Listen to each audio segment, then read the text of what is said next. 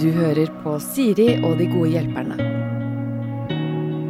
Jeg har altså da uh, fått mine to gode hjelpere på plass. Tore Petterson og Jon Brungot, god dag. God dag, god dag, god dag. Jeg hadde lyst til å spørre dere om hva dere skal i ferien, ja. eh, selv om folk flest svarer det samme. Jeg, men det er derfor jeg egentlig fortsetter å spørre, for jeg håper at noen skal si noe sånn «Nei, Jeg drar til Egypt, jeg. Jeg går, for dit Og skal jeg jeg. skulle ønske at det var en av de som bare ga flatt F og bare sa sånn Nei, jeg skal på utenlandsferie, men jeg skal ikke det. Altså. Jeg har brukt alle mine penger eh, på å lage en eh, bygge opp en låve. Oi. Ja. Eh, Fordi du bor på en bondegård som mangler låve, eller? Nei, fordi at eh, jeg kjørte eh, forbi et bruk som var veldig falleferdig. Og Ja. så tenkte jeg her hadde det vært digg å ha en låve som var fullt funksjonell å bo i.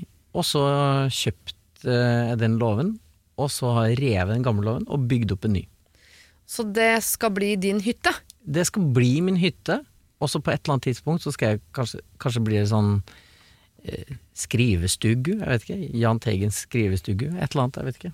Er det i Brumunddal, eller? Nei, det er Sørlandet. Sørlandet? Ja da. Ja, så du bare kjørt forbi et sted du liker, og så har du tenkt Mhm. sånn, det der skal jeg ha? Ja. Knakka på døren og spurt kan jeg kjøpe låven din? Ja, nesten. nesten. Den korte, korte versjonen var sånn. Shit. Eksotisk det- på en eller annen merkelig måte. Ja, på en merkelig måte. Ja. Men det blir norgesferie, ja gitt. Så det blir låveferie på deg i år. Bonde, bondeferie. Ja. ja. Eh, noe sier meg at ikke du skal det, Tore. Eh, Nei, jeg skal ikke på låveferie, nei. det skal jeg ikke, eller det veit jeg ikke helt ennå. er hjertelig velkommen. Jo takk. Jeg skal tverse festene, nei, festene skal du høre, til hyttene til alle vennene mine. Ja. Så nå har jeg blitt invitert inn. Du vet sånn Når de nevner det sånn løst sånn Ja, vi er jo på hytta i sommer. Så tenker jeg sånn Flott, da tar vi en uke der. så jeg tenker å bli en stund.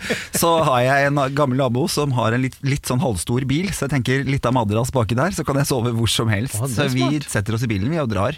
Ja. Så det tror jeg blir det kan bli eh, fint. Du skal få badet eh, en del og få vært liksom litt, litt rundt omkring og møtt masse spennende folk. Og når du snakker i flertall, så er det fordi du snakker om deg og samboeren din, for du har kjøpt deg leilighet! ja, det er veldig kos. Jeg har sett det på Instagram. Det, er, det anbefales. Ja. Ja, Hva føles som den største milepælen i det? At du har kjøpt noe for første gang, eller at du har kjøpt noe sammen med noen første gang? Eller hvor ligger liksom Nei, det er nok at jeg har kjøpt noe for første gang. eh, Kjenner jeg. Du, jeg er jo ikke sånn som kjører forbi en låve og kjøper den, ikke sant. Nei. Så jeg har jo aldri kjøpt. Jeg har jo leid en leilighet på Grünerløkka i 16 år, så, så nå har jeg kjøpt mitt eget. Og det har jeg gjort eh, med god hjelp av Silje Sandmæl og kjæresten min, selvfølgelig. Han også har jo hjulpet litt til her, da. Ja. Eh, Men det er veldig, veldig fint, altså. Herregud, så fint her. Og ordentlig milepæl, ja. Og, og nå er det mitt. Og du har ikke fått noe sånn drukningsfornemmelser av det sånn Nei. Dette ble skummelt. Nei, eh, og vi flyttet jo sammen når koronaen brøt ut. Vi flyttet eh, sammen på en måte eh, 12. mars, for da ble alle jobbene mine avlyst. Da sa jeg nå flytter vi senga, for da måtte vi liksom, for da er senga flytta. Eh, så, og siden har vi bodd sammen, så nå har jeg drukningsfølelsen på en måte av at han har begynt på kontoret igjen, for nå har han hatt hjemmekontor, Ja. og nå er jeg plutselig aleine. Så jeg bare sitter jo hjemme og bare glor i veggen og vet ikke hva jeg skal gjøre. Prøver å finne nye hobbyer, og så jeg gjør mye, mye rart da. Ja. Ja. Ja, bransjen vår er jo litt vanskelig nå, og da kan det jo trøste seg med at også Jon Brungot har måttet avlyse ting. Jeg ser at dere måtte liksom avboke hele Edderkoppen teater, og du Ja. og Henriette skulle jo ha det kjempeshowet. Vi skulle ha kjempeshow. Eh, Det var bare å sette kroken på døra. Så Ja. det var greit. Da får man gjøre andre ting. Ja. Vi er omstillingsvillig. ja. Men jeg, du har heller ikke noen sånn drukningsfornemmelse, så nå går det Nei, jeg tenker at uh, det går mot lysere tider. jeg. Sommerferie. Ja, ikke sant. Som jo blir, eh, for min del, da, som også jo straks skal ha sommerferie, tenker sånn, eh, tilværelsen blir jo ganske lik, men jeg kan slappe av litt mindre på at det ikke renner noe som helst penger inn i den kassa. Ja, ikke sant? Det er Greit å vite. Greit å At du ikke skal det. Ja. Mm. Jeg skal klare å spise is for mer penger enn jeg tjener de neste fire ukene. Dere, ikke slipp det der med ferie helt, fordi det første problemet vi skal til handler om ferie. Det er en her som har skrevet Jeg er 35 år og singel. Og barnløs. Jeg hadde kjæreste i mange år, og vi levde liv og surra rundt, og nå sitter jeg her da, aleine. Jeg er ikke ensom vanligvis, men det skyller over meg når ferien kommer. Alle har planer, og jeg har valget mellom å reise alene, med min mor, eller være påheng med venner. Jeg har valgt bort siste kategori så langt, for det blir for sårt for meg å se på deres kjærlighet, deres unger, alt jeg vil ha, men kanskje jeg bare skal utsette meg for det i år? Det står ikke på tilbudene. Og så står det egentlig ikke noe spørsmål, men det er vel det hun lurer på. Skal hun i år, singel, barnløs og litt sånn lei seg, eh, krasje venneskytter sånn som Tore skal, og, og se alt det hun ikke har som hun vil ha? Ja, altså jeg er jo på snart 13 år gift, så jeg skjønner jo at det har jo blitt en ny tid eh, når det gjelder det her med eh, singel og litt sånn barnløst, klokka går, jeg vet ikke. Um, men min erfaring sånn eh, på, fra kjærestesida da, er jo alltid at det er veldig hyggelig når de single eh, dukker opp. De tenker ofte at de er et sånt ekstra hjul, men jeg syns det er veldig, veldig hyggelig. Ekstrahjul kan være støttehjul. Ekstrahjul er støttehjul, så, og da får man alltid liksom, Da kan man lage litt andre konstellasjoner, dytte litt eh, kona i en annen retning og litt sånne ting. Sant? Og man kan eh, få ganske mye gøy ut av det. Ja. Eh, kanskje vedkommende har litt lakenskrekk, så da kan man jo sitte oppe eh, sent på kvelden når eh, den bedre halvdelen har lagt seg. Mm. Litt sånn hyggelig. Så jeg mener jo bestemt at man skal utsette seg for det.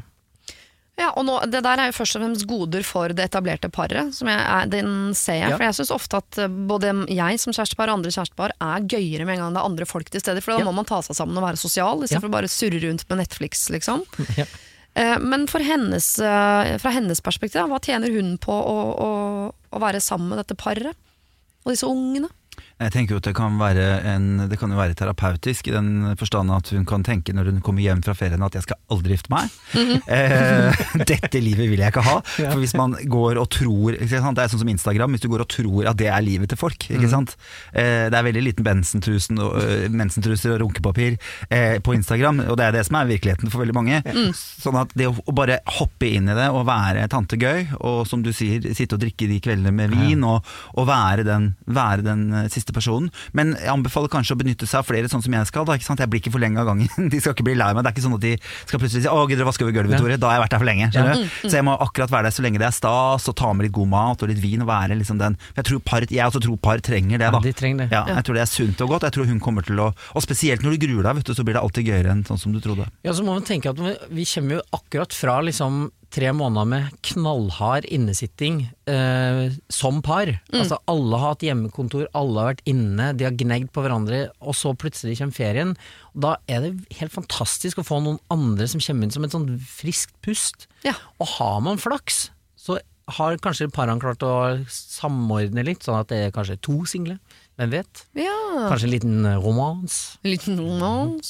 Ja, eh, og jeg ville vært litt i forhold til eh, alderen på barna, fordi man kan jo potensielt gå på Ja, det kan være preventivt å tenke sånn, det Ja. der skal ikke jeg. Eh, Men det kan også være at man kan bli skuffet over vennene sine, som har sett for seg de der seine kveldene og det friske pustet man skal være og sånn. Så er det sånn ja, øh, vin, ja. Kjempegjerne. Det er bare at fra sju til ni så legger jeg, og fra Mhm. ni så er jeg stuptrøtt for jeg skal opp klokka fem, og så sitter jeg og tenker sånn herregud så kjedelig venninnen min har blitt. Ja. For det blir man jo en stund der, ikke sant. Sånn Ja, er det bare. Og da, da kan det være at den ferien blir litt kjedeligere enn man har sett for seg. Håper hun har lappen, sånn at hun kan dra når hun vil. Ja. Ja. At ikke, ikke sett deg sjøl stuck et sted. Nei. Dra til de som har hytte i nærheten, på en måte. Ja. Eh, jeg, jeg, skal, jeg skal liksom til Tønsberg, det er det lengste jeg skal. Ja. Eh, nei, Sandefjord er det lengste, det er vel litt lenger. Og så er det litt sånn eh, en halvtime herfra til Moss og sånn. Sånne, der- sånne turer skal jeg på. Sånn at jeg veit at det er en liten Jeg kan til og med gå hjem hvis det er helt krise, på en Ja, måte. ja. Selv om det kommer til å ta meg en halv dag, da. Alltid ha en exit. Jeg må alltid ha en exit, ja. Men jeg tenker også at det kan være litt sånn Altså Singeltur er jo også Jeg tenker at du kan gjøre det også. Sånn Gå i fjellet eller seile seilbåt eller et eller annet med andre eh, single. Det er bare noe med hvis man ikke utsetter seg for den tilværelsen man jo egentlig har lyst på. At man bare fortsetter å leve det livet hun hadde med typen. Da. Surre rundt og leve livet, liksom. Så, så kanskje man liksom øh, glemmer at det, øh, det fins, det livet man egentlig vil ha, som hun her tydeligvis vil. Da. Mm. Så jeg syns man skal utsette seg for det. Ja, det syns jeg. Ja. Ta en kombinasjon. Reis litt på singelferie. Eh, nå har jeg ikke vurdert mora di engang som et alternativ. Var det ingen her som var noe opptatt av at det kunne være en fin tur. Nei, drit i det. Det trenger vi ikke da. Ikke med din egen mor, men med andre mødre syns vi du kan tilbringe ferien i år. Men velg litt med omhu. Alder på barna, om du ser for deg at venninna di fortsatt er hyggelig, eller om hun har blitt, er i den dølleste av de dølle faser, osv. Du skal altså ha en fin ferie, og når de ber deg om å vaske gulvet, eller du sitter med dodøra åpen, da har du vært der for lenge. Ja. Da må du eh, kjøre videre. Apropos kjøre. Vi skal inn i et bilkollektiv. Er det noen av dere som har det, eller har dere har fall hørt om det? Jeg er med i bilkollektivet, ja. Er du det, eller? Ja da. Perfekt! Dette er et litt annerledes bilkollektiv, men du kjenner i hvert fall konseptet. Mm. Som er, Kan ikke du forklare, for jeg er ikke helt inne i det sjøl? Nei, eh, bilkollektivet jeg er medlem av, har vi over 400 biler som står rundt om fordelt i hele Oslo. Ja. Og alle på en måte er medeiere i alle de bilene, og så leier du bilen og betaler kun for det du bruker den, og da er det inkludert eh, bensin og alle sånne, sånne type utgifter. Da. Så det er veldig mye rimeligere, og så kjører du veldig mye mindre bil. Og da må du gå og leite etter en sånn bil? Nei liksom? da, de finner du inne på appen, så det står hvor de, hvor de er hen. Som oftest, bortsett fra sånn midt i midten, liksom fellesferien og, og påskehelga, liksom, så er det alltid ledig bil. Men kan du booke to uker i forveien? Sånn at hvis Ja. du veit at klokka sju på morgenen så må jeg ha bil for jeg skal til Gardermoen. Ja, jeg pleier faktisk å ligge et halvt år før han sånn til jula, sånn, for jula kommer liksom som oftest på de samme datoene. Ja, så da veit jeg jo at det kommer, så da er det lurt å være litt sånn frampå, sånn at jeg har den bilen eh, hele denne uka. Ja. Ja.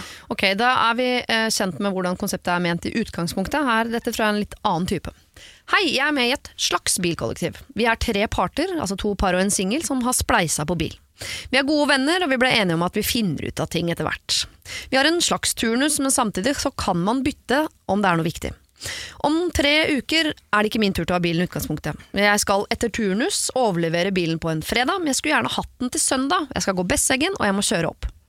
De som tar over skal i en bursdag den søndagen i en by 35 minutter unna. Ja, det går tog. Ja, det går buss.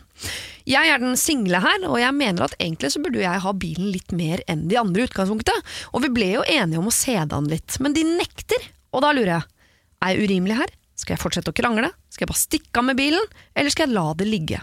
De skjønner uansett hvem jeg er, så kall meg by my name, Kristin. kan vi ta det først, som jeg syns er litt artig, for det er sånn ofte som man tenker, Ja. men ikke sier høyt. At hun, har liksom, hun burde ha bilen litt mer siden hun er aleine. Ja.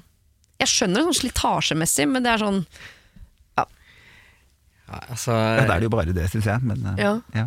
Nei, jeg syns det er jeg, jeg vet ikke. ehm, sånn, du har jo vært ganske mye mer singel enn meg uh, i det siste, Ja, har du ikke det? Ja. det er helt sant. Nei, jeg tenker jo at uh, de som har en familie, og de som har mye ting som skal fikses For meg er det enkel, veldig enkelt, for jeg flytter bare på meg. Ja. Eh, så man må, nå må man tenke litt på intensjonen med hva man holder på med her, liksom hvorfor man gjorde det. Og jeg tenker at det er veldig fint å dele bil, fordi da kjører man mindre bil og ikke sant, miljø og så videre. Eh, men jeg tenker jo at da må man forholde seg til de reglene som på en måte er satt. Ja. Eh, og man kan ikke liksom begynne å pushe de reglene. Og jeg tror de eh, tror jo, siden det er gode venner av deg, at de ville dratt den ganske langt hvis det hadde vært mulig.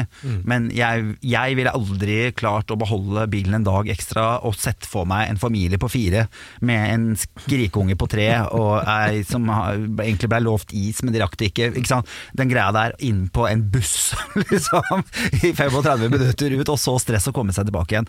Det er alltid veldig veldig stress. Det Ja. går tog til Besseggen nå.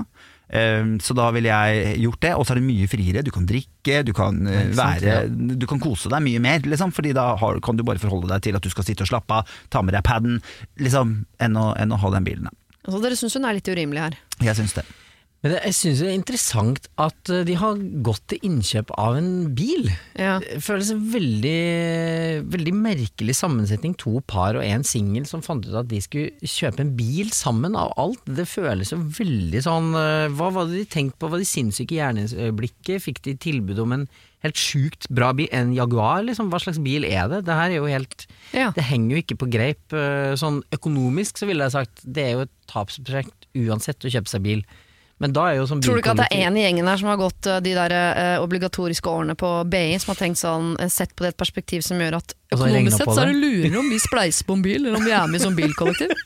Det er jeg helt sikker på. Hvor mye kan du tjene på det? Altså, det er Nei, her eh, Jeg mener at eh, regel er regel, og hvis de har lagt en regel, så bør de følge den. Ja. Eh, men jeg ville ha solgt meg ut fra den bilpakka fort som fy, hvis jeg var Kristin. Og komme meg ut av det der, og heller signert på noe som var eh, litt mer sånn eh, organisert og selvstyrt. Ja. Ja, Ja. Her føler jeg at hun er fort en taper i alle slags eh, avveininger. Ja. Og jeg, til og med jeg som har vært så mye singel, ser jo at det er mer styr for en familie. Liksom, jeg, jeg, jeg er bare meg. ja. Så forbanna vanskelig er det ikke. Og jeg, vi har lagd en regel. Og er det noen som skal få lov å få den litt ekstra, fordi det var et eller annet som skjedde, så er det jo noen som har en unge hvor det har skjedd et eller annet. En, Ja, Det trumfer på en måte veldig mye. og Det er jo det at alle som kjøper seg bil, vet at med en gang du kjører bilen ut, så er det et tapsprosjekt. Da Ja. har du tapt. Og her taper Kristin ikke bare masse penger, men hun taper også prioritering. Så det å komme seg ut er mitt råd. Hun kan jo tape et vennskap også her, Ja. fordi det er jo noe med å, å blande det der med venner og økonomi. Det er veldig sjeldent en god idé. Allerede nå er hun irritert på vennene sine, og de er sikkert irritert på deg også, Kristin. eh, men jeg syns det er deilig at det er du, Tore, som sier det med at, at det er barnefamiliene som trumfer. Fordi det er sånn, som barnefamilie kan man ikke si det. For jeg har også blitt konfrontert med da single som sier sånn Hvorfor er din tid Hvorfor er din, eh, din tid som mor mer verdifull enn min tid? Ja. Man har jo, din, og den er jeg helt enig i, så det der tør ikke jeg å si høyt. Han, jo, jo, men Det er derfor jeg føler det som denne mannen som har vært så mye singel, at jeg har et ansvar for å ta ansvar for mer enn meg selv. Ja. At det er jeg som skal gå foran på de tingene. Og det er klart at Hvis jeg går foran på disse tingene, så vil jo også vennene mine gå, gi meg mye mer goodwill. Ja. Hvis de vet at Tore strekker seg alltid jævlig langt for at ting skal bli sånn som At ting skal være ok for alle. Så ok, denne gangen her kan vi ta bussen.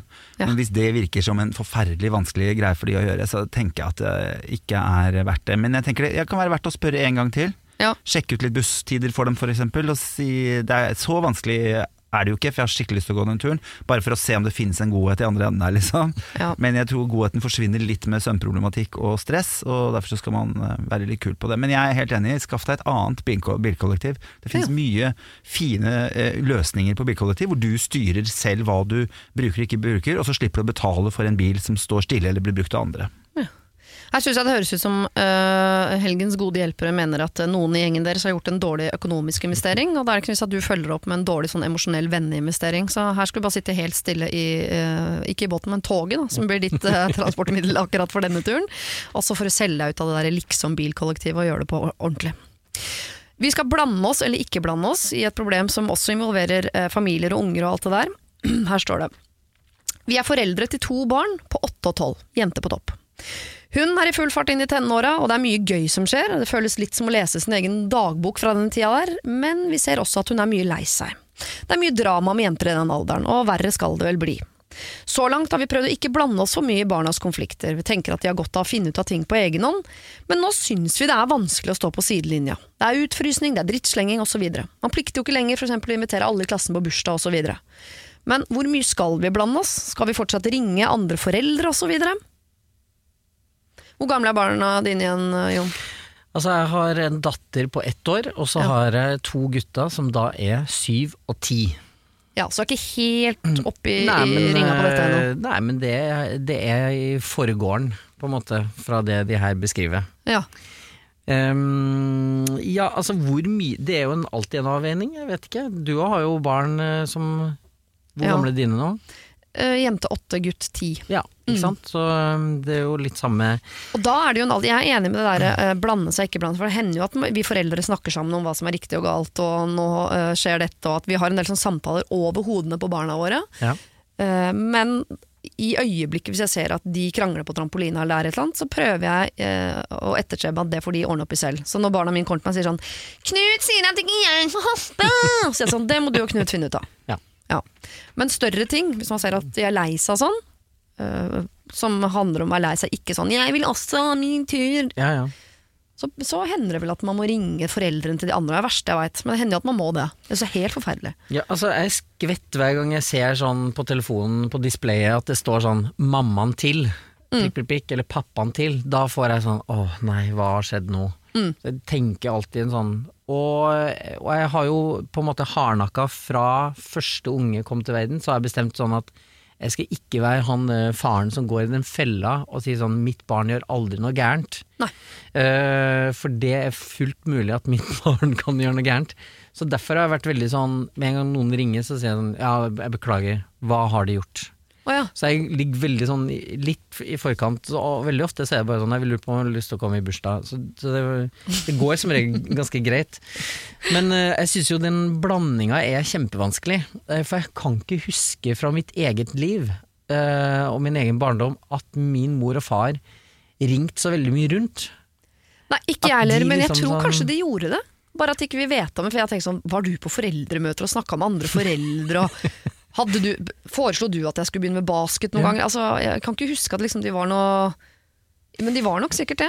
Brukte sikkert all sin ledige kapasitet på å drive orge og styre for meg, som bare surra rundt og, og ikke hadde noen bekymringer. Ja, Gjorde de det, eller er det bare det som har skjedd nå i det siste, altså de siste generasjonen, at det er liksom vanlig? Å lage sine egne Facebook-grupper bare for foreldrene, og så har man en egen sånn Messenger-linje bare for eh, fedrene og en for mødrene. Og så, Men uten hu. ja, Ja. Altså, det er så mye meldinger frem og tilbake. Jeg mener jo at foreldre må ta et skritt tilbake, altså. Ja. og ikke blande seg så mye. Nei.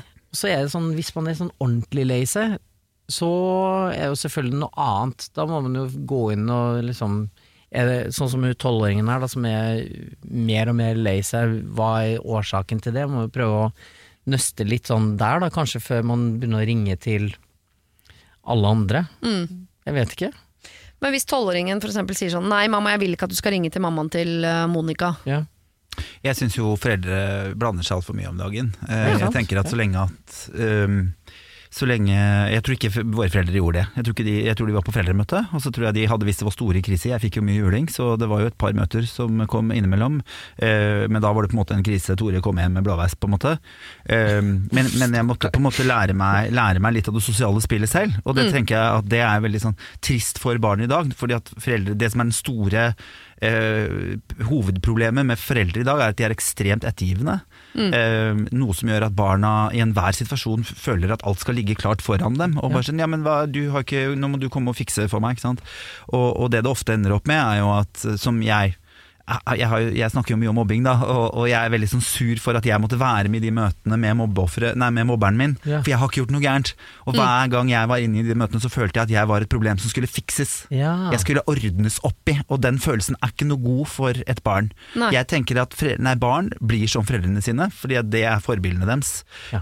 Um, så hvis du har problemer med at hun er veldig sutrete, så ville jeg vært forandringen. Jeg ville sett på hvordan jeg er som forelder, hvordan snakker jeg rundt barna mine, hva slags styrke har jeg gitt barna mine, hvor ligger disse tingene. For at hvis du har bygd opp eh, et, et miljø hjemme hvor man snakker godt sammen, så vil hun komme med deg med ting, og hun vil også kunne klare å, å komme med forslag til ting som kan gjøres for at ting skal bli bedre. Som oftest så har man dårlige dager, og det tror jeg veldig få unge mennesker i dag veit og har forholdt seg til. Det er noe som heter en dårlig dag. Ja. Og en dårlig uke, og jeg har jaggu meg hatt flere måneder jeg, som har vært litt dritt. Jeg husker jeg husker et år der òg. Ja, det var jo ingen som kom løpende inn i livet Nei. mitt da for å ringe rundt til vennene mine og spørre om de ville henge med meg. Det måtte jeg finne ut av selv, og så måtte jeg kjenne på ensomhet, og så måtte jeg finne ut av sakte, men sikkert. Ikke sant? Hva er det som gjør at, jeg, at folk ikke ringer meg i sosiale settinger, som har gjort at jeg er ganske sterk sosialt, fordi jeg har måttet stå litt aleine i det. Så man skal ha, Jeg skulle ønske kanskje mamma og pappa var litt mer til stede, også at de var litt mer sånn venn for meg, og sa at du er fantastisk og, og, og du er verdt det, for det skulle man jo ikke før. ikke sant? Man hadde autoritær før. Sitt stille, hold kjeft, gjør som jeg sier. Kom deg inn i rekka. Hvis ikke du gjør det, så, så får du ikke noe kjærlighet. Og det er det vi Det er jo jeg med alle som sitter her inne har vokst opp med. At hvis ikke jeg gjorde det som jeg fikk beskjed om, så er de ikke noe glad i meg. Så da slutter vi sakte, men sikkert å være oss sjøl. Vi Ja. dytter bort alle følelsene våre. Så bekreft alle følelsene barna har. Sett deg ned og snakk med dem, men, men vær samtalen. Start samtalene sånn at de kjenner at det er trygt å snakke hjemme. For da vil de komme til deg når ting er virkelig, virkelig virkelig stort. Og det å gå og sutre litt og være misfornøyd, det handler litt om hormoner òg. Jeg tror at det er veldig godt å bare få lov til å sitte og sule seg borti, Ja. og bare få lov å kjenne litt på. Men, men vær der for dem.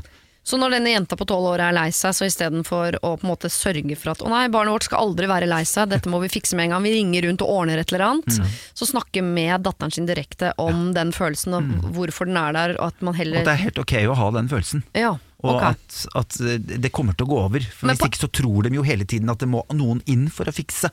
Og det er så innmari skummelt.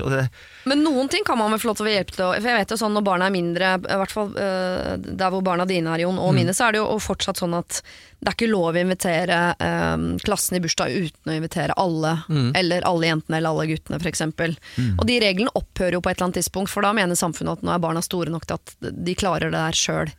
Um, Men Jeg skal holde, skal vi ikke holde på noen av de reglene, bare for å hjelpe barnet litt lenger. eh, Fordi jeg, det er jeg helt enig med Tore. Man må liksom på en måte eh, slutte å gå foran og så rydde, rydde vei. Ja. Og la liksom noen av de eh, legoklossene ligge igjen, sånn at de tråkker litt på dem, sånn at de kjenner at au, fader, jeg må rydde opp sjæl. Jeg må ikke gå liksom fasilitere hele veien. nei. Eh, og Ja, For ungdom, men Barn og unge er litt hjelpeløse i dag. Liksom. De er litt sånn ja men, hva gjør, ja, men hva gjør jeg nå, da? De er, det, jeg bare tenker, de- Dere må liksom ruste dem for verden, for verden er drita kjip. ass liksom. Det er ikke bare lykke og fromme og helt fantastisk, men det kan bli det, da. Hvis du Ja. blir litt sterk, hvis du tåler litt. Ja. Så vokser du opp, og så kommer det masse dritt i trynet ditt, og så tenker du sånn ja, jeg har vært borti verre før. Ikke sant? Men det er klart at hvis mora har gått foran deg rydda hele tiden, du får jo sjokk. Du, du skjønner jo ingenting når det plutselig viser seg at det er noen som ikke liker hårfargen din, eller at du syns at du er tjukk, eller at du Ikke sant? For at du har vært så himla beskytta. Men vær samtalen, det er så viktig det. Snakk, og ikke si sånn Snakk! Snakk, da! og barn snakker jo ikke når du vil, men Nei. du kan snakke. Jeg hadde det også veldig vanskelig når jeg var tolv. Ja. Jeg syns også det var vanskelig. Vet du hva jeg syns var vanskelig? Ja, men ikke for mye jeg, ja. Jeg, eh, Nei, hus- jeg jeg syns alltid det var litt vanskelig, hver gang jeg hadde litt vondt, så hadde mamma en historie om da hun hadde Jo vondt da, på samme sant, sted, bare enda vondere. Tenk sånn, hold nå kjeft, det er jeg som har vondt! Jo, jo, men, men allikevel så tenker jeg at barn lærer seg å snakke følelser gjennom sine foreldre. Ja. Derfor så må du hele tiden klare å sette ord på hvordan du har det, og da vil også barnet klare å komme til deg og fortelle. Men hvis det er klart, hvis det ikke er et miljø hjemme hvor man kan prate, så kommer heller ikke barnet ditt til å si noen ting om hva som er vanskelig, Nei. og da blir du desperat og så begynner du å ringe rundt i klassen istedenfor å sette deg ned og ta den faktisk praten jeg syns du burde tatt. Det eh, høres ut som her at du eh, i hvert fall ikke skal sy puter under armene på dattera di. Ikke drive og ring rundt for mye, ikke bland deg for mye. Still heller opp og vær der for den samtalen som barnet ditt trenger. Eh, men at de der reglene for sånn felles bursdag som kunne vart litt lenger, det må eh, mor og far her få lov til å si at det, det skulle vi kanskje ønske. Ja. Vi skal ta et problem til som handler om eh, Jeg har kalt det for fest eller festen. og Det er ikke sikkert dere skjønner hva jeg mener med det, men eh, festen som i den eh, danske dogmefilmen jeg ikke har sett, men jeg innbiller meg at det er en festuke vi Åh, ikke vil den gå er på. Ja. Den er så fin. Det kan bli en sånn fest dette her, hvis ikke dere hjelper til. Jeg, legger det på skuldrene deres. Ja. Min mor fyller 70 i sommer, og har invitert, en hel, har invitert hele familien en helg på hytta. Vi er om lag 30 stykker. Vi er fire søsken, alle med kjæreste og barn, og alle kommer. Min mor er en gammeldags dame. Hun er opptatt av klasse, rang, familie osv. Hun er mer opptatt av hva du jobber med enn hva du føler, for å si det sånn. Mine tre brødre har høyt respekterte stillinger, alle tre. Eh, Jeg er definitivt utskuddet her. Men sorry, jeg tror også jeg er den eneste som faktisk er lykkelig. Bortsett fra når jeg er sammen med familien, da. De har aldri respektert mine valg, og nå har min mor bedt meg om to ting før denne festen. Hun har spurt om ikke jeg kan kle meg skikkelig for en gangs skyld, og om jeg kan be mannen min om å holde seg litt i bakgrunnen. Jeg kler meg normalt, altså. Eh, Ikke snobbete. Eh, Og mannen min han er fantastisk, men han er ikke advokat. Skal jeg respektere min mors ønsker? Skal jeg svelge de kam kamelene? Uh, PS, jeg har ikke sagt noe til mannen min ennå. Han sier han ikke bryr seg om sånne ting, men det ser jeg at han gjør. Å, fy fader. Fy fader. Ta ja. med et kamera og film, så kan du tjene gode penger på, ja. på realityen der, altså. Ja, men skjønner dere hvorfor? Ikke sant? Det er veldig lett å tenke sånn Herregud, selvfølgelig skal du ikke gjøre det. Men det er sånn, mor er 70, hun kommer til å ta med seg den ræva personligheten sin i grava, dessverre. Det får du ikke gjort noe med. Så bare svelg de kamelene, få den bursdagen til å forsvinne, så går du videre. Ja. Men ellers kan man benytte anledning til å si sånn Jeg ville sagt ifra. Eh, Ja, det, er, det her er helt fullstendig uh, uakseptabel uh, måte å, å oppføre seg på. Ja. Så jeg ville sagt pent ifra om at hvis ikke du klarer å akseptere å være glad i det mennesket jeg er, så uh, får du, hvis ikke du liker mine negative sider, så får du ikke mine gode sider. Så Mhm. da får du enten velge mellom å ha datteren din på bursdagen din, 70-årsdagen din, Ja. eller så kommer ikke vi til å komme. Fordi jeg må få lov til å være meg, og du har født meg, og jeg vil at du skal elske meg. Og hva vinner du på den praten? Hva ser du at det er Nei, jeg tror ikke du vinner så forferdelig mye med en gang, men det handler jo litt om å sette litt sånn hardt mot hardt innimellom. Jeg syns ikke at du, skal, eh, at du skal slette alt med deg og dine ting fordi at du skal prise mor bare for at hun er gammel. Nå må vi slutte å behandle voksne mennesker som små barn, fordi hun, moren her er jo et lite barn. Det er det som er problemet. ikke sant? Hun har jo aldri vokst opp. Eh, men vi må slutte det. Vi må slutte å tenke at hun er så gammel, stakkar, tåler ikke det. De tåler drita mye, men, men, men du må si fra til dem. Og nesten alltid i sånne situasjoner jeg har vært oppi med venner eller med meg selv, så har ting snudd. Ja. Ikke sant? Og jeg har vært rimelig Jeg snakker ut fra egen erfaring nå. Jeg har vært rimelig direkte med mine foreldre i det siste. Jeg driver jo og skal bli terapeut, da. eh, Og starta ny utdannelse. Så nå driver jeg og jobber med å snakke ærlig og snakke ut ifra mine ting. Og da må du tenke på én ting, og det er intensjon. Ja. Hva er intensjonen din med det du sier? Du kan si 'hei, din møkkakjerring, eh, slutt å behandle meg så jævla dårlig, du er dritt'. Eller du kan si 'jeg føl kjenner det veldig vanskelig' at du øh, og, jeg, og det kjennes ut som du ikke er glad i meg, når du sier at du vil at jeg skal forandre meg før jeg kommer dit. Så jeg kjenner at nå gleda jeg meg til den bursdagen, men nå gjør jeg ikke det lenger. Fordi at du liker ikke, og du kommer, jeg føler at du skammer deg overfor meg, og det ønsker jeg ikke å gjøre. Hvis intensjonen din er at du ønsker å få noe godt ut av det? Da velger du litt andre ord, og da vil også hennes eh, eh, svar på det bli helt annerledes. Men du må ikke få det til at hun føler at hun blir, blir eh, attacked. Også, at, ikke sant? Hvis, du, hvis du er litt smart og bruker litt mildere ord enn det du egentlig har lyst til, kan du skrike det på badet før du går og snakker med henne, eller sender den meldingen. Jeg er veldig glad i meldinger. Um, men bare få sagt de tingene veldig klart, for det er klart, her har du vokst opp hele livet ditt og øh, hatt en mor som ikke har vært glad i deg. Eh, For de tingene som du ikke liker. Det er akkurat det som jeg snakket om i stad. Det der at du skal sitte stille, gjør som jeg sier, hold kjeft. Da får du kjærlighet. Men når du gjør deg selv, når du gjør følelsene dine, sinnet ditt, alle de følelsene som er dritviktige, da liker vi deg ikke. Og Derfor har hele nasjoner vokst opp med selvhat. ikke sant? Fordi vi, vi er jo ikke noe glad i oss sjøl, og vi sitter og holder følelsene våre nede. Jeg hører at alt dette høres veldig eh, eh, riktig ut, uh, men for vanlige folk som på en måte ikke har uh, all den uh, utdannelsen din på det greiene der Vanlige folk altså hadde, Kunne jeg gått bort til min mor og sagt Selv om jeg hører at det høres riktig ut, men folk, jeg tror veldig mange synes, ville synes det var vanskelig. For eksempel hun som sender inn her. Jeg ser ikke for meg at hun syns det er helt naturlig å gå bort til sin mor på 70 år og, og bruke de ordene uansett hvor riktig det er. Men det var derfor jeg startet samtalen med min far på SMS. Ja. Ja, fordi jeg fortalte han akkurat hva jeg syns, og så tenkte jeg hele tiden hva vil jeg med dette? Vil jeg såre pappa, liksom? Så, Ja. så velg, da kan jeg si mye rart. Men jeg ønsker at jeg og pappa skal komme nærmere hverandre. Og da kjente jeg at for at jeg skal kunne klare å gjøre det, og for at jeg skal klare å være villig til å være med på det, så er jeg nødt til å være ærlig, men jeg må si det på en måte med kjærlighet. da Jeg må si det fordi at jeg, er glad i pappa, jeg vil at vi skal få det fint. Og det som skjedde, var at responsen hans plutselig var helt annerledes enn jeg hadde tenkt at den skulle være. Hvor han plutselig gikk i seg sjøl og var helt sånn derre ja, men kjære sønnen min, hvis det er sånn du føler det For jeg sa jeg, jeg har én drøm i livet mitt, og det er en åpen og ærlig samtale med deg, pappa, før du er borte. Ehm, det, er, det er drømmen min, men da må vi kunne snakke til hverandre på en ordentlig måte. Jeg mener, og I den utdannelsen min så har vi en fint sånn saying, og det er ingen ord kan såre deg hvis ikke du allerede har et sår der. Det vil si at alle samtaler jeg har nå, så tenker jeg at hvis du blir såra nå, så handler ikke det om det jeg sa, det handler om at du har blitt såra der mange mange ganger fra barndommen din av. ikke sant? Sånn at hvis du tenker på det når du snakker med mannen din nå, hvis hun blir kjempesint på det, så betyr det ah, hun har dårlig samvittighet. Ja.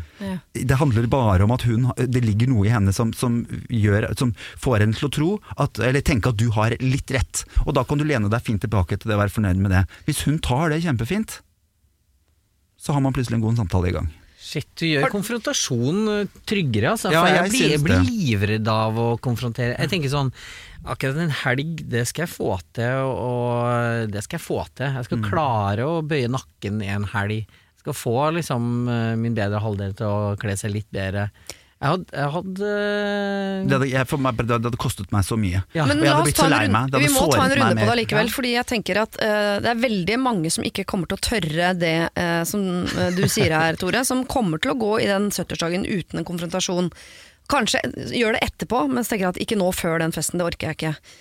Eh, hvordan, eh, hvordan hadde du tatt det hvis din kone sa til deg at nå i bursdagen til mamma så har hun bedt om at du bare er litt eh, bare hold, meg litt? ja, hold deg litt i bakgrunnen, Jon. Nei, da, jeg, hadde, jeg hadde gjort det. Jeg hadde holdt meg i bakgrunnen. Jeg hadde, jeg hadde banna etterpå. Sånn å, fy faen, aldri mer Helt sikkert, men jeg hadde aldri heva stemmen der. Jeg er kjemperedd for konfrontasjonen. Men du hadde blitt med? Jeg hadde blitt med, ja. Ja. Ja, ja, og strigla med og, og holdt, eh, holdt stand.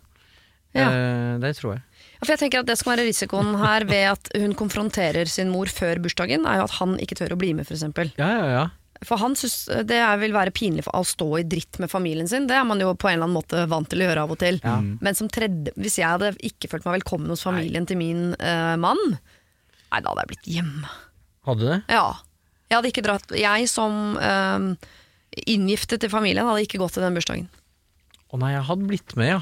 Nei, jeg hadde vært med på hele den, der, hele den begynnelsen på den filmen. hadde jeg vært med på Mm. Men altså, jeg, etter at jeg hørte eh, talen din, Tore, så, så ble jeg veldig sånn fader. Jo, men det, har- det bare, Ja, men skal man gjøre det før bursdagen noe- eller etter? Ja, nei, selvfølgelig før. Fordi Før, ja. han må jo få muligheten til å, å Ja. trekke seg tilbake på det. Mm. Det å leve et liv og ikke føle seg elsket for noen ting som har noe med Ja, deg å gjøre, det er en forferdelig vond følelse. Ja. Og jeg tenker 70-årsdag eller ikke, du må stå til ansvar. Du er en voksen dame, du må stå til ansvar for det du har gjort, og nå kommer konsekvensen av det. Jeg kommer ikke til å gå inn der som en skuespiller, kledd i klær som er helt uvanlig for meg å gjøre, og måtte degradere kjæresten min. Altså, jeg har jo respekt for kjæresten min. Jeg ville aldri godtatt at noen skulle for, fortelle han at jeg må forandre kjæresten min for at han skal komme. Det er fullstendig uaktuelt for meg. Og mamma er den voksne, jeg er barnet, mamma er den voksne, så da får hun være voksen også i denne settingen. Hvis du kan si sånn til meg, så kan jeg svare på den måten. Og hvis du blir såra for det, ja, ok, da veit jeg at du tenker at jeg har litt rett. Og da veit jeg at det det kommet til å ende godt. Hvis hun ikke tør da ja.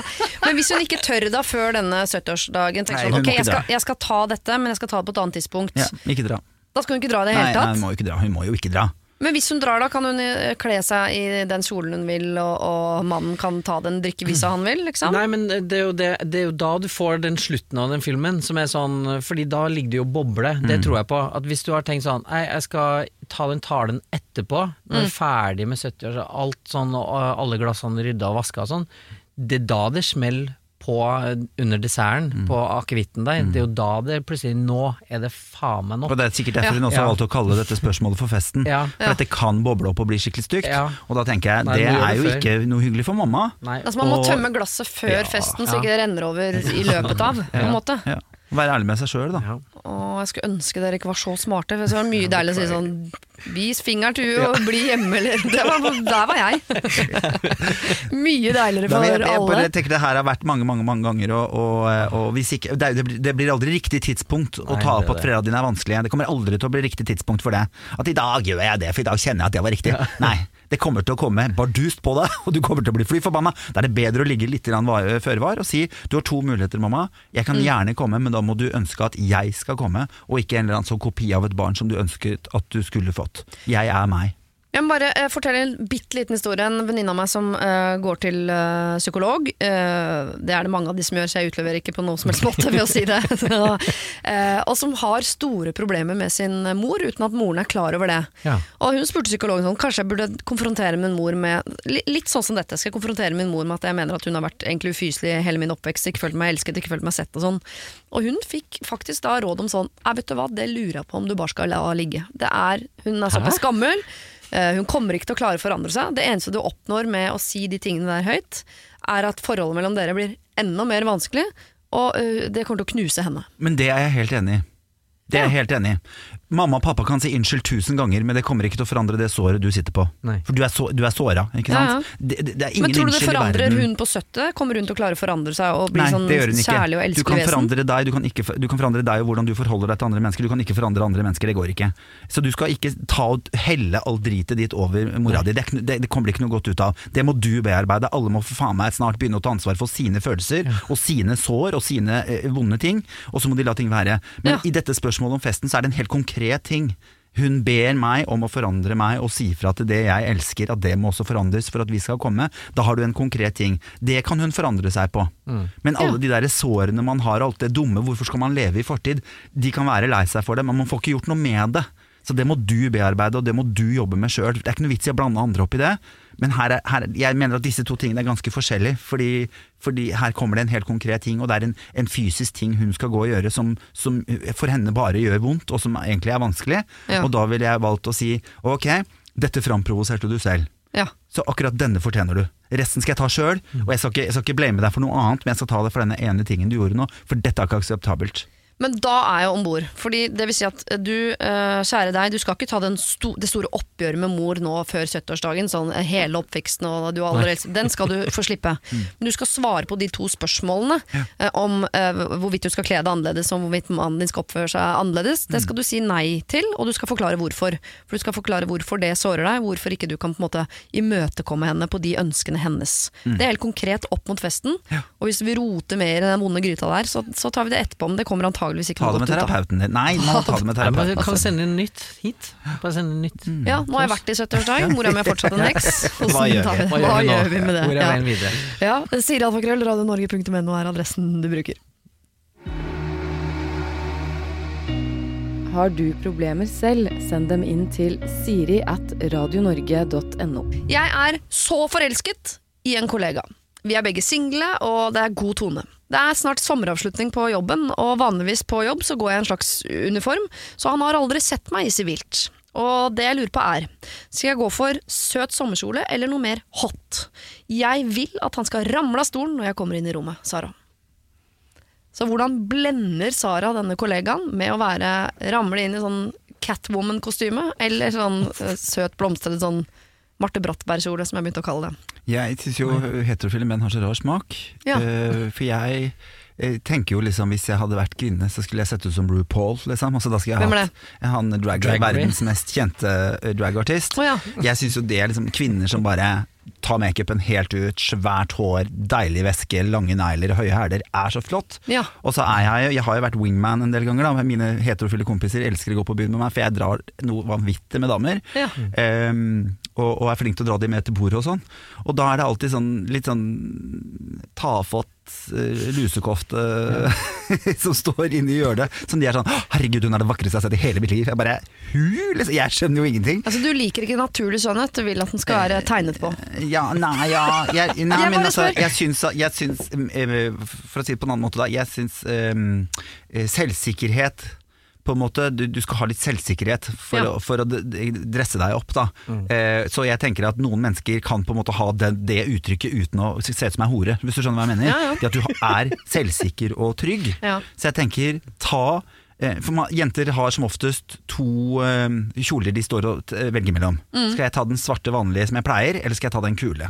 Og som ofte så går jenter for den svarte vanlige, Fordi de tør jo ikke å skille seg ut. Tenk om de plutselig hadde personlighet og noen la merke til dem. Ja. Um, så jeg tenker det er aldri feil å være den best kledde. Aldri feil! Det må du aldri glemme. Det er aldri feil å være best kledde. Ja, så ta den kjolen som er skikkelig fin, men ikke prøv å være sexy, for det kan fort falle veldig, veldig feil. Og Ja. du tenker, du vet jo ikke om han liker lærbukser. Altså det er et eller annet med at bare føl deg fin, fordi indre styrke er det mest sexy smykket du kan gå med. Å, den er fin, var ikke det ja, fint? ja, ja, er jo, jo, jo. Og det er kort vei fra å pynte seg til å kle seg ut, pleier jeg å si. så man skal være litt Ja. forsiktig. Det er akkurat det. Men du som heterofil mann, da, hva, nå, hvor, hvis du skal ramle av en stol, hva har hun på seg når hun kommer inn i rommet? Nei, jeg er jo veldig glad i de der uh, søte sommerkjolene. Jeg syns jo det er veldig fint. Det er sånn uh, gjerne Marte Brattberg-aktig, Pia Tjelta-aktig, Ja, ja. så florlett uh, sommerkjole. Det liker jeg godt. Men det er jo litt sånn Tore sier, det, det går jo litt eh, på dusinet. Det er jo ganske mange som går for akkurat den. Mm. Så hvis man på en måte har Men eh, altså hvis jeg skulle virkelig lagt merke til å møte opp bare i, i BH-en og en litt sånn skinnbukse som sitter tight det, det, skal Du hadde jo ikke turt å gå bort til hun, du. Nei, fordi jeg har blitt livredd og tenkt sånn Hva slags droger er hun på i kveld? Mm. Eh, hvis, I hvert fall hvis man bare har sett dem i uniform eh, tidligere. Så jeg, jeg ville nok ha prøvd den der litt sånn klassiske bibliotekaren som slår ut håret-aktig. Ja, hun som i film liksom er stygg helt hun tar av seg Ja. brillene, og så er hun den fineste på skolen. Ja, det er jo ja. den, eh, den liker jeg jo eh, best. Ja, litt sånn Normal People, hvis dere har sett det på NRK nå, med hun Ja. som er så innmari stygg, Ja. som ser ut som Julia Roberts. Ja, kjempestygge. Det syns jeg går igjen i en der av de filmene. Hun er den styggeste. Ah, fy fader. Men det er litt også, jeg tenker at det å, det å bare føle seg fin, det er dritviktig. Liksom. At du tar eh, Kanskje, kanskje skal du kjøpe deg en ny kjole, men så Ja. er, ikke, liksom, ikke, tenk, ikke tenk utkledning, men tenk at jeg vil vise meg fra min beste side. Ja. Og ta liksom en kjole Jeg syns jo de der bomullskjolene med blomster på kan sitte det ganske traust over ræva, liksom. Så Ja. ta up the game lite grann, og få en som du vet og føler at kroppen din er skikkelig fin i. For det betyr ikke at det behøver å være det, men du føler det. Og da vil du utstråle noe helt annet, og da kommer han til å synes det er fint. Ta på deg litt leppestift. Ja. Og skal man gå for rød, da, for veldig ofte så blir veldig Nei, ikke rød. Nei. Nei. Den bør i hvert fall helle mot noe, et eller annet du kler, da, men kanskje ha i litt lilla i. Men, men at det er en, en av rødtonene, tror jeg er fint, for det legger menn veldig merke til. Ja. Rød sko også legger veldig menn merke til. Det er også en veldig lur ting, for jeg syns menn er dritsexy. Ja, det er sant, det. Og så kan du godt sote øynene dine og legge litt sånn ekstra makeup enn det du pleier, men ingenting nede. Fordi Menn er ikke noe glad i oversminka damer, Nei. men du kan godt legge ganske mye på øyelokket og, og, og litt ekstra maskara, kanskje til og med litt løsvepper helt sånn ytterst. Dette her er mine gamle Jeg yrker, bare.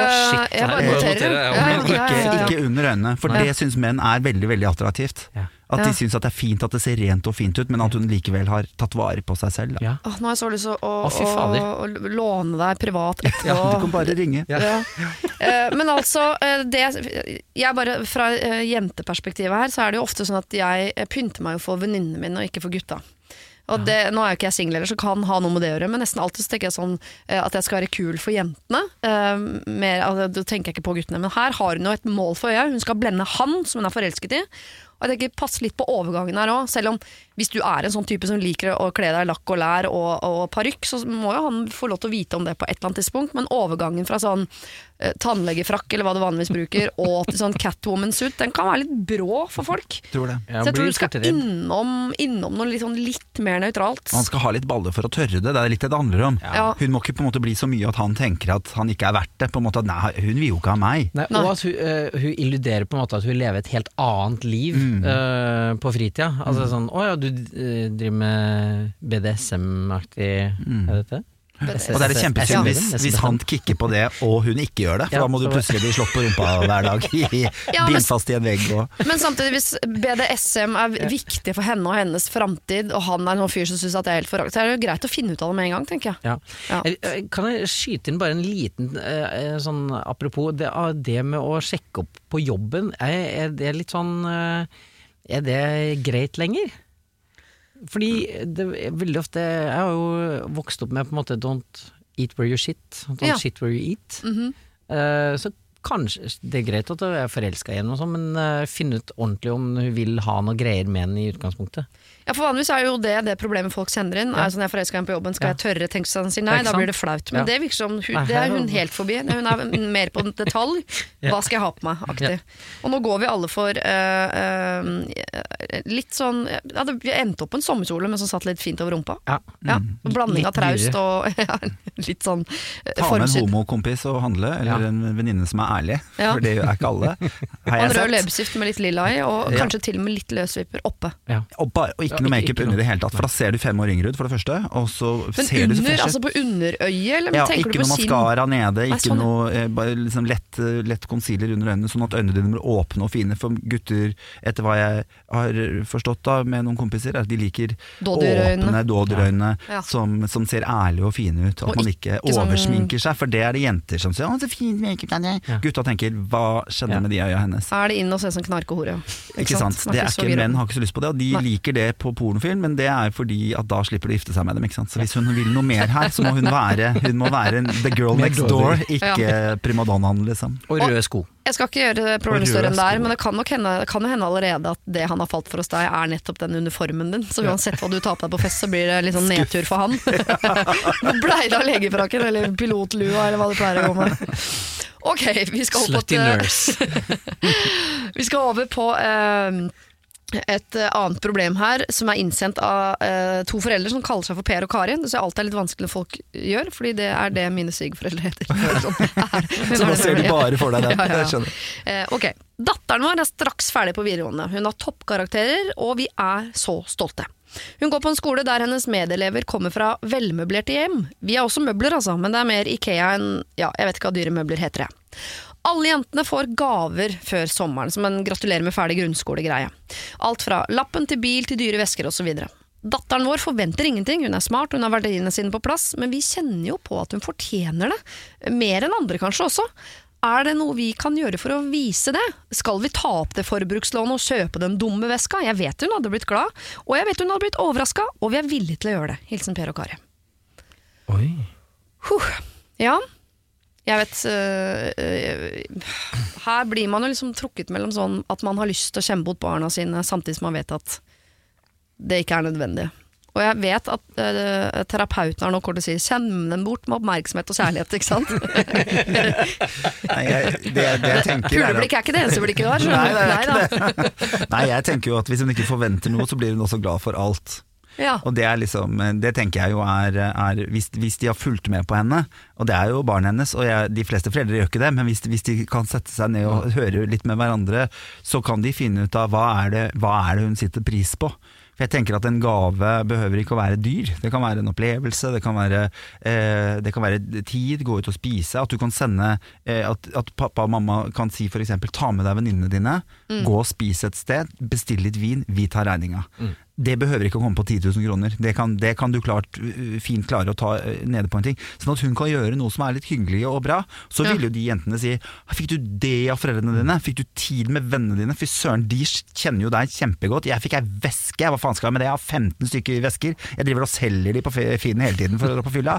Eh, De skjønner jo, ikke sant. Det er ikke alle som blir glad for de tingene når de er vant til å få mye, men når de er vant til å få lite, så blir man så innmari glad for, for, for det man får, da, tenker jeg. Men de som er vant til å få mye, sørger for oss at de kommer til å ha det perspektivet sånn Å, fikk du kjærlighet og tid med vennene dine? Mm, Nei. Å, det er, jeg tror Nei, for det er jo veldig ofte foreldre som, som eh, gir eh, kjærlighet gjennom ting, har ofte ikke evnen til å også gi kjærlighet gjennom tid, og, Uh, og sånn da. Vi Ja. har jo ofte våre språk på en måte kjærlighetsspråk. Så jeg tenker jo at uh, hvis du kjenner datteren din godt og vet at hun setter pris på venninnene sine og henger sammen med venninnene sine, så er jeg helt overbevist, jeg er helt overbevist om at venninnen hennes kommer til å bli kjempeglad for å få lov å være med, og utrolig, kanskje til og med litt misunnelig på at hun har så fine foreldre. At Ja, det, det å gi tid Ja. eh, For det eh, Ja, nei, min oppfattelse i hvert fall er at de som får mye vesker og biler og lappen, har ikke mye tid med foreldrene sine. Nei, det er jeg helt, helt enig i. Ja. Og det er kanskje tidlig for deg å tenke på, Jon, i og med at datteren din er eh, ett år. Men Ja, eh, nei, ser du for deg eh, noen sånn graduation eh, gift? Ja, altså jeg har sveipa innom det. Altså, men det er bare viktig å si fra til Per og, og Kari at uh, noe forbrukslån Ja. eh, for det her, det skal de ikke ta opp. Nei. Nei. Så det er, bare, det er bare å sette to strek under, ikke noe forbrukslån. Ingen må ta opp forbrukslån for å gi en gave. Det, er, eh, det må man ikke finne på. Det er ikke verdt det. Nei.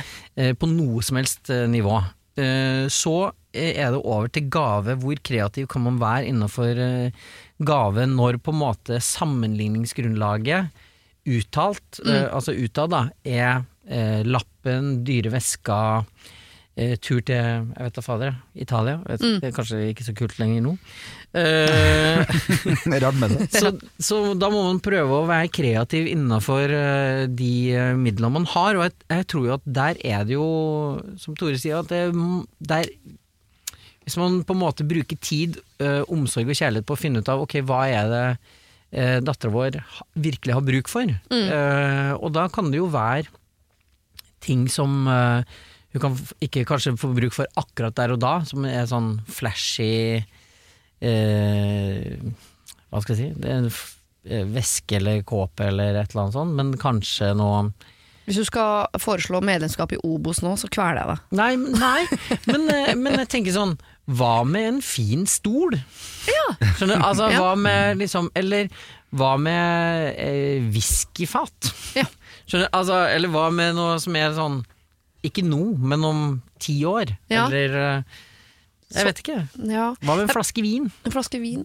Ja, for, jeg bare, eh, med en gang jeg leste mailen, så tenkte jeg litt sånn eh, Hvis du har en datter med de riktige verdiene som ikke er opptatt av disse tingene, så fantastisk, på en måte. Ja, gratulerer. Gratulerer med det, det er jo veldig veldig fint. Eh, Men samtidig, det er jo nettopp da man også kan Jeg mener at man ikke skal skjemme bort barna sine med, med ting som egentlig ikke sånn sett har noen verdi. Ikke sant? Der virker det som jeg er enig. Men hvis hun er en sånn, sånn um, som vanligvis er mer enn nok glad for at man har tid med familien og setter pris på tingene, så, så skjønner jeg at man liksom da en gang liksom for hvert 20. år at det har vært gøy å bare klinke til og gi ja. noe. For det er ikke sånn at hvis de nå plutselig gir henne den veska som hun sikkert også har lyst på fordi alle venninnene har, sånn, Mm. så er det ikke sånn at hele hennes verdigrunnlag går fra å være en med gode verdier til å bli sånn Nå er jeg blitt sånn veskejente, Ja. Ja. Så jeg skjønner, men jeg bare lurer på om det finnes en kombinasjon av sånn uh, Hvor man gir tid, men også noe Jeg tror kanskje jeg ville sagt Når verden åpner opp igjen, jenta mi, så skal vi Du, jeg og pappa til en helg til London Ja. og, og kjøpe den fineste kjolen. Altså Et eller annet som er en sånn kombinasjon av at du skal få tid med alltid oss. redd for det, men det der er litt sånn villanaktig. Sånn eh, ja, vi skal bare Bare én dag. Bare én dag skal du få der, der, der. Altså, det er sånn da Og du får- tror ikke da det blir noe av? Nei, for da får du sånn lapp. Og det er enda verre. Hvis du ikke forventer noen ting, men så ligger det litt sånn 'Jeg fikk lappen'. Jeg, ja, jeg fikk en lapp av mor og far om at når korona er ferdig, da skal Ja. vi dra til Italia. De håper Jeg fikk også lappen, se på denne! Her står det Men tenker er dere ikke at det er lurt å spørre hvem er det som ønsker seg den veska? Ja. Er det dattera eller er det Kari? Fordi Jeg syns jo ofte det er litt vanskelig når jeg skal gi gaver til folk. Så har jeg litt lyst til å gi ting jeg egentlig sjøl ønsker meg. For det er, jeg syns jeg er mye gøyere å gi Ja, ja. noe jeg syns er fint. da Og jeg synes at Hvis datteren din har gode verdier, så driter hun i en veske. For det første så er det barnearbeid, mest sannsynlig. Det er masse dritt med den Ja, veska som ikke er bra. Ja. Så ikke gi henne noe hun ikke har yntet at hun har lyst på. Så hvis hun aldri har bedt om en bil, hvis hun ikke har ikke sant? Jeg har betalt for min egen lapp, jeg har betalt for min egen leilighet, jeg har måttet ordne alle tingene selv. Jeg har ikke hatt foreldre som har vært mulig til å gått inn og hjulpet meg med noe. Jeg setter ekstremt mye mer pris på mine ting, Mm. for jeg har jobba beinhardt for å få det til, og er kjempefornøyd med det. Så jeg tenker at eh, tenk litt sånn ja, Snakk med hverandre. Hva ønsker hun? Prøv å glemme liksom seg sjøl, og glem de tingene de andre får.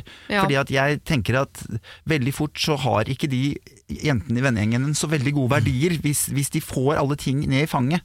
Og hvis datteren din er en av de med gode verdier, så prøv heller å finne noe hun blir skikkelig glad for. Og da er jeg ganske sikker på at det ikke kommer til å komme, koste masse penger, og så legger du på en tusenlapp over det. Men ok, forslag. Ja. Kan eh, Per og Kari her si til datteren sin sånn uh, Vi er så stolte av alt du har fått til, og Lara, hele den fine talen der, som ikke jeg obviously ikke har skrevet. Eh, og si sånn men, uh, Og vi har lyst til at du skal få noe du virkelig ønsker deg. Du, du vet jo du at ikke det blir den Louis Vuitton-veska, for sånn familie er jo ikke vi. Men er det noe vi sammen, eller er det noe du ønsker deg som vi kan hjelpe til med? For hvis det viser seg at jeg har bare lyst til at dere oppretter et lite eh, fond og setter inn 500 kroner som er sånn sparing til den dagen jeg skal flytte hjemmefra, eller kunne jeg fått trafikalt grunnkurs, eller altså at det er et eller annet Nei, vet du hva, jeg har alltid bare hatt lyst til å reise tilbake til Spiterstulen, jeg, for der var jo vi når jeg var tolv, og det har jeg tenkt på siden det var så himla koselig. At man kan åpne, åpne opp for Kan det være lurt å spørre, ja. Ja, Ja. men, men jeg er jo også veldig glad i å ikke på en måte måtte fortelle andre hva jeg ønsker meg, for jeg liker jo best når på en måte de, noen andre har tenkt på hva jeg kan ønske meg. Ja. Da jeg blir ofte mye mer glad enn når jeg har skrevet en sånn lang, detaljert liste om jeg ønsker meg det, det, det, det, og så får jeg, så kan jeg krysse ut. ja. Jeg liker jo ikke det. Jeg liker jo Da ville jeg heller ha satt pris på sant? en type en middag som du foreslår, da, med noen venninner. Eller kanskje enda mer bare eh, mor og far inviterer eh, venninnegjengen hjem, og så kommer Staysman og Less og spiller Ja. intimkonsert. Ja. Så lage noe annet. ja. Altså at de sier sånn Vi ringte Staysman og Les, vi har lurt på om de vil komme og spille 20 minutter, og det ville de akustisk. Og så tenker hun Kjenner dere meg ikke i det hele tatt? Det er kanskje det aller morsomste. For det, det er det som er farlig med dette. da Eh, man, Jeg har fått gaver i mitt liv, og jeg har blitt lei meg fordi jeg føler at familien min ikke kjenner meg. Ikke Ja. sant? Ja, ja. Og hvor, hvor den, hva- hva- den sårer meg mer enn det den på en måte ja, den gjorde meg glad, og så får jeg tenkt litt, og da blir jeg jo glad, fordi at de har jo tenkt. Eh, Men jeg tenker sånn, shit, dere har jo ingen anelse om hvem jeg er, liksom. Jeg, har vi hilst? Vet du hva jeg heter, liksom? Ja, og samtidig sier du jo også at du liker best de gaver som du har lyst på selv. Så du har jo ikke Ja. så langt ut Nei, det er sant. Det er veldig, veldig sant. Nei da, men jeg tenker Ja, jeg også er enig med den, med den, med den der overraskelsen er veldig fin. Ja. Men da, jeg syns jo tid er Det er den største luksusen vi har. Penger kan man alt ordne seg, liksom, men tid det er vanskelig. Og det å kunne si vi tar regninga på du og venninnene, du kan invitere de hjem hit når vi skal på hytta, setter vi inn mat, kjøper inn alt du vil ha, og så kan, ikke sant, Det eller er det er catering, Ja. eller Det går an å gjøre dette for en, på budsjett, da. Ja, ja. Eh, som, som datteren din kommer til å skjønne helt sikkert. Og, og hvis hun er glad i venninnene sine, så er jeg helt overbevist om at det er det som kommer til å gjøre henne mest glad. At dere har tenkt på det, og Ja. ikke være sånn 'nå skal du og jeg og pappa ut på', liksom. Fordi det er ikke så gøy å feire med de, liksom. Det er mye gøyere å feire med vennene sine. Ja. Kan man heller Ok. Så overrask datteren deres. Det, det, den delen liker vi. At dere vil overraske henne med noe. Det har hun fortjent. Eh, ivareta verdiene. Uh, vis at dere vet hvem hun er, hva hun heter, og at dere er glad i henne. Og sånn, og invester noe tid i dette. Uh, så Kanskje f.eks. en middag med venninnene hennes på restaurant eller hjemme hos dere, eller et eller annet, så får hun en gave som er i tråd med verdiene deres. Som viser at dere er glad i henne, viser at dere ser henne, men som også er en liten overraskelse. Staysman og Les. Staysman og Lasse, for eksempel. Å, mamma, jeg er en Tix-jente, det vet du! Helt annerledes! Ja. Ok, eh, til et problem som jeg syns eh, er her bare det er, Sånn er det med alle problemer. Hvis man får de presentert fra den ene siden, så mener man dette. Fra den andre siden så mener man jo dette. Og sånn er det med dette programmet. Man får de alltid presentert fra én side, det er den vi forholder oss til. Men her er det veldig tydelig at det er en annen side jeg gjerne skulle ha visst det om. Mer tydelig enn i mange andre programmer, syns jeg da. Jeg er en 19 år gammel jente som har en lillesøster på 17 år. Dere kan kalle henne Mari. For omtrent seks uker siden flyttet Mari til sin nåværende kjæreste, han er 21. Kall han for Samir. Det begynte med at hun overnattet hos han ca. én til to ganger i uka gjennom en lang periode, helt hun bestemte seg for å flytte ut til han, og hun gjorde det i smug. Jeg og familien min er ikke så fornøyde med det, vi vet at dette forholdet ikke er spesielt sunt. Hun har eksempel blitt betydelig mye tynnere siden hun flyttet til han, stemmen hennes virker sliten, og jeg får et inntrykk av at hun sover mye. Kjæresten hennes er kontrollerende. Han er imot at hun har kontakt med foreldrene våre, han liker ikke å høre at hun snakker med mor på telefonen eksempel, og jeg får inntrykk av at hun bare godtar det. Sist gang jeg var ute sammen med henne, så ringte han henne klokken fem og ba henne komme tilbake, og så han er delvis også imot at jeg møter søsteren min. Alt som har med min familie å gjøre, det bare feirer han under teppet. Han vil i det hele tatt ikke ha noe å, gjøre med eh, meg, mine andre søsken eller mine foreldre. Og det som gjør det verre, er at moren til Samir eh, heller ikke er villig til å hjelpe i denne situasjonen. Og han er nå uansett ikke typen som ville ha hørt på sin mor og hva hun sa til han. Han er en altfor krevende type til det. Så hvordan skal jeg nå inn til min søster, lurer hun da på. Mari er altså 17 år, flytta til typen sin på 21. Shit, pommes frites! Og mora hans, tydeligvis. Ja. Som ikke er happy med situasjonen. Er, noe, er dere enige? Her er det en Skulle gjerne Mari, send meg en mail. Ja. Men altså, er det Åsne Seierstad sin bok, eller hva, hva vi ser på her? Hva er, hva er Det høres jo veldig, veldig usunt. Ja. Altså, I hvert fall sånn som det blir framstilt her, så er det jo veldig usunt. ja. Samtidig, hun har blitt øh, tynnere og øh, får inntrykk av at hun sover mye. Høres Ja, også ut som en jente som er bare kjempeforelska ja. og bare ligger i senga og øh, elsker hele tiden Ja. med Samir. Kan jo hende. Kanskje hun ikke trives hjemme. Hmm. Må jo være lov. Det er lov. Det er Mm. lov å ikke trives hjemme, men det, hvis familien er så bekymra Det høres ut som de er veldig bekymra. Ja. Eh, De kan jo fortsatt gripe inn, hun er 17. Men gjør det nå, da.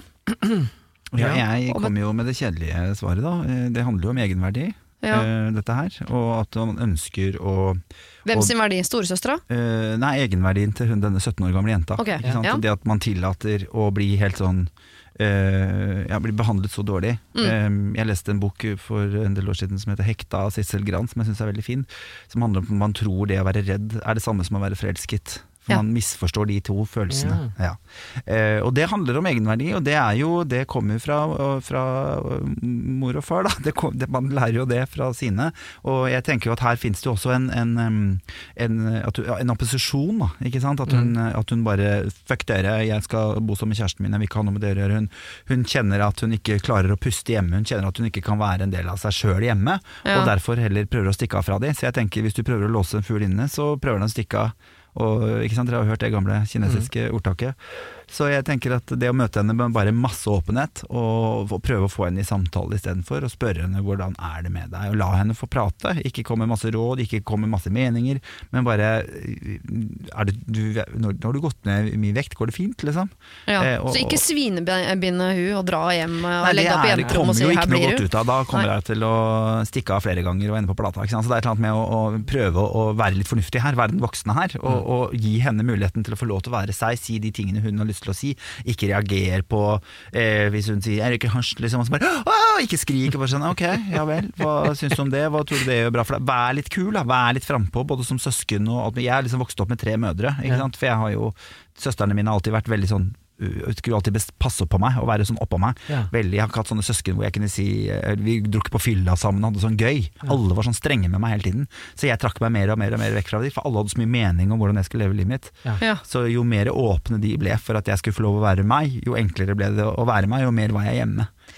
Så være eh, litt raus mot Mari på 17. Åpen og imøtekommende, ikke være dømmende eller streng. Men Ja, men, Han- men hvis han han er kontrollerende, ja, han La oss sette en liten brems på egenverd her også, Tore. Fordi det er jo et fordømt ansvar som foreldre, eh, frem til de er 18 i hvert fall, da. Mm. Og på en måte si sånn ok, det er greit at du er forelska i Samir, og du har bare lyst til å ligge i senga hans.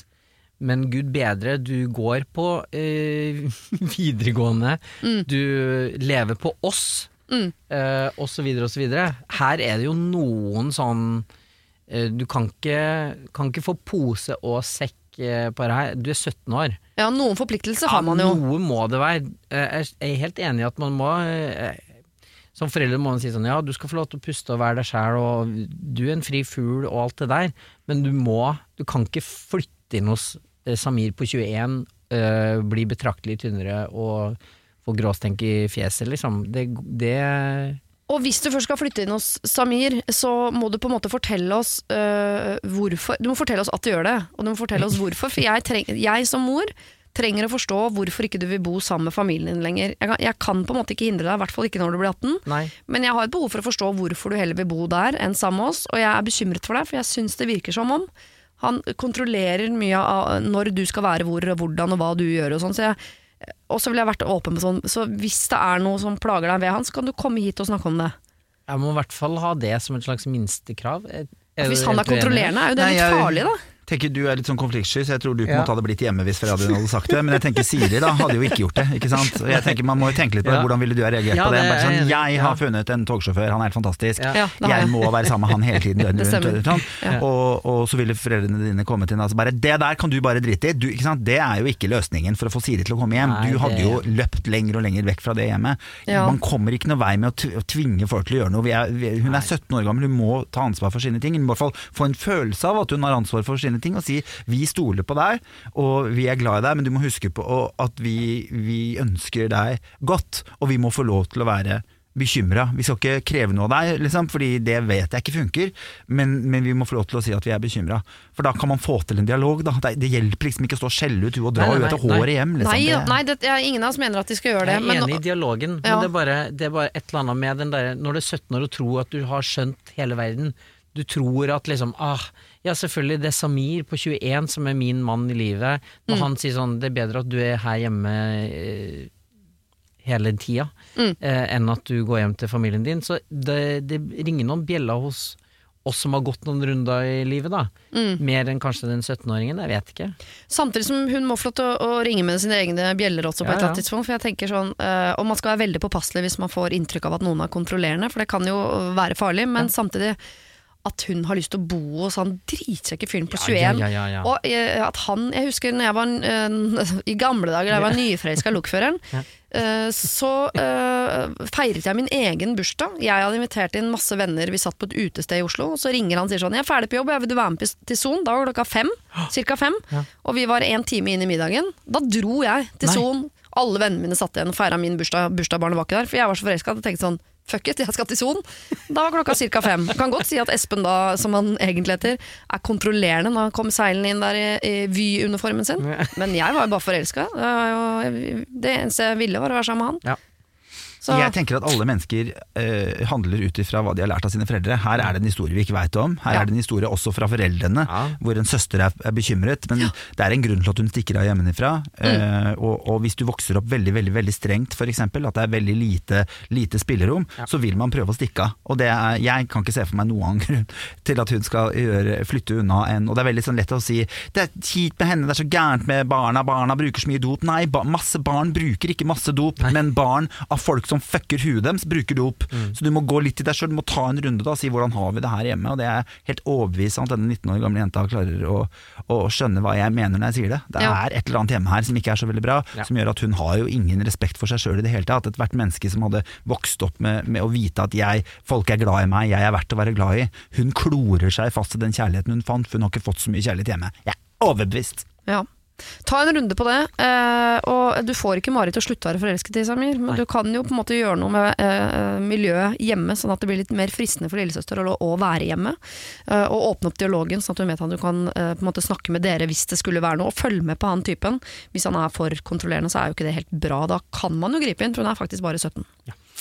Det var det, eller det var de problemene vi rakk, eh, Jon og Tore. Eh, og da skal dere få lov til å, å uh, få en uh, problemfri time i gode venneslag. Dere skal få lov til å gå bekymringsfritt ut i deres egen sommer. Og så sier jeg tusen takk for all hjelp. Takk skal du ha. Før vi kommer. Det var det.